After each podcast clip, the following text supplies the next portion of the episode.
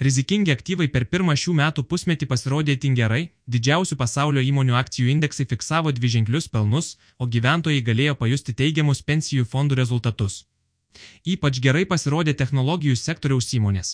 Svarbiausios gyventojams ir verslams šešių mėnesių Euribor palūkanos Liepos viduryje išliko stabilios ir siekia beveik 3,945 procentus. Pirmosios Liepos savaitės centriniuose bankuose buvo ramios. Darbo rinka vakarų pasaulyje išlieka stipri, atlyginimai auga, o vartojimo infliacija nežymiai mažėja. Kaip rodo Liepos pradžioje paviešintos paskutinio JAV Centrinio banko valdybos posėdžio minutės, vis daugiau valdybos narių pasisako už nuosaikesnę monetarinę politiką. Rinkos dalyviai tikimybė, kad Liepos 26 dieną palūkanos JAV didės 25 baziniais punktais, vertina 93 procentais tai turėtų būti paskutinis palūkanų didinimas šiemet. Eurozonoje taip pat tikimasi dar vieno palūkanų normų didinimo 25 punktais. Įvertinus makroekonominės tendencijas, dalis ekonomistų tokį sprendimą vadina klaida, visgi Europos centrinio banko vadovybė atsako, jog nenori sustoti per anksti ir leisti infliacijos lūkesčiams atsigauti. Nepaisant skirtingų požiūrių, ekonomikos duomenys kol kas neleidžia teikti, kad palūkanų normos daro reikšmingai neigiamą įtaką verslams ar gyventojams. Brankstančių pinigų įtaka vis dar atsveria per praėjusį ekonomikos augimo ciklą sukauptos santaupos. Tikroji situacija atsiskleis tik santaupoms sumažėjus.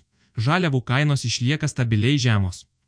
Dujų megavatvalandė Europoje kainuoja 30 eurų, o WTI rūšies naftos kaina laikosi apie 70 JAV dolerių už barelį.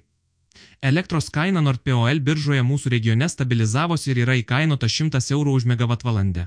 Pigio žaliavos išlieka pagrindinė vartojimo infliacijos mažėjimo priežastimi. Liepos 25-26 dieną vyks JAV Centrinio banko valdybos posėdis, o Liepos 27 dieną susitiks Europos Centrinio banko valdyba. Per šiuos susitikimus bus sprendžiama dėl palūkanų normų pokyčių. Liepos mėnesį įmonės pradeda skelbti antrojo ketvirčio ir pirmojo pusmečio finansinius rezultatus. Jie parodys, ar geri makroekonominiai duomenys atsispindi įmonių veikloje ir vartotojų elgsenoje. Jei verslų finansiniai rezultatai bus blogesni nei tikėtasi, į viešąją erdvę gali sugrįžti recesijos naratyvas.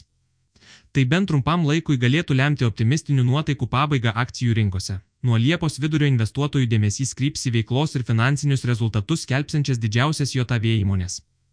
Pirmieji savo rezultatus skelbs bankai, o mėnesio pabaigoje sulauksime ir technologijų įmonių pranešimų.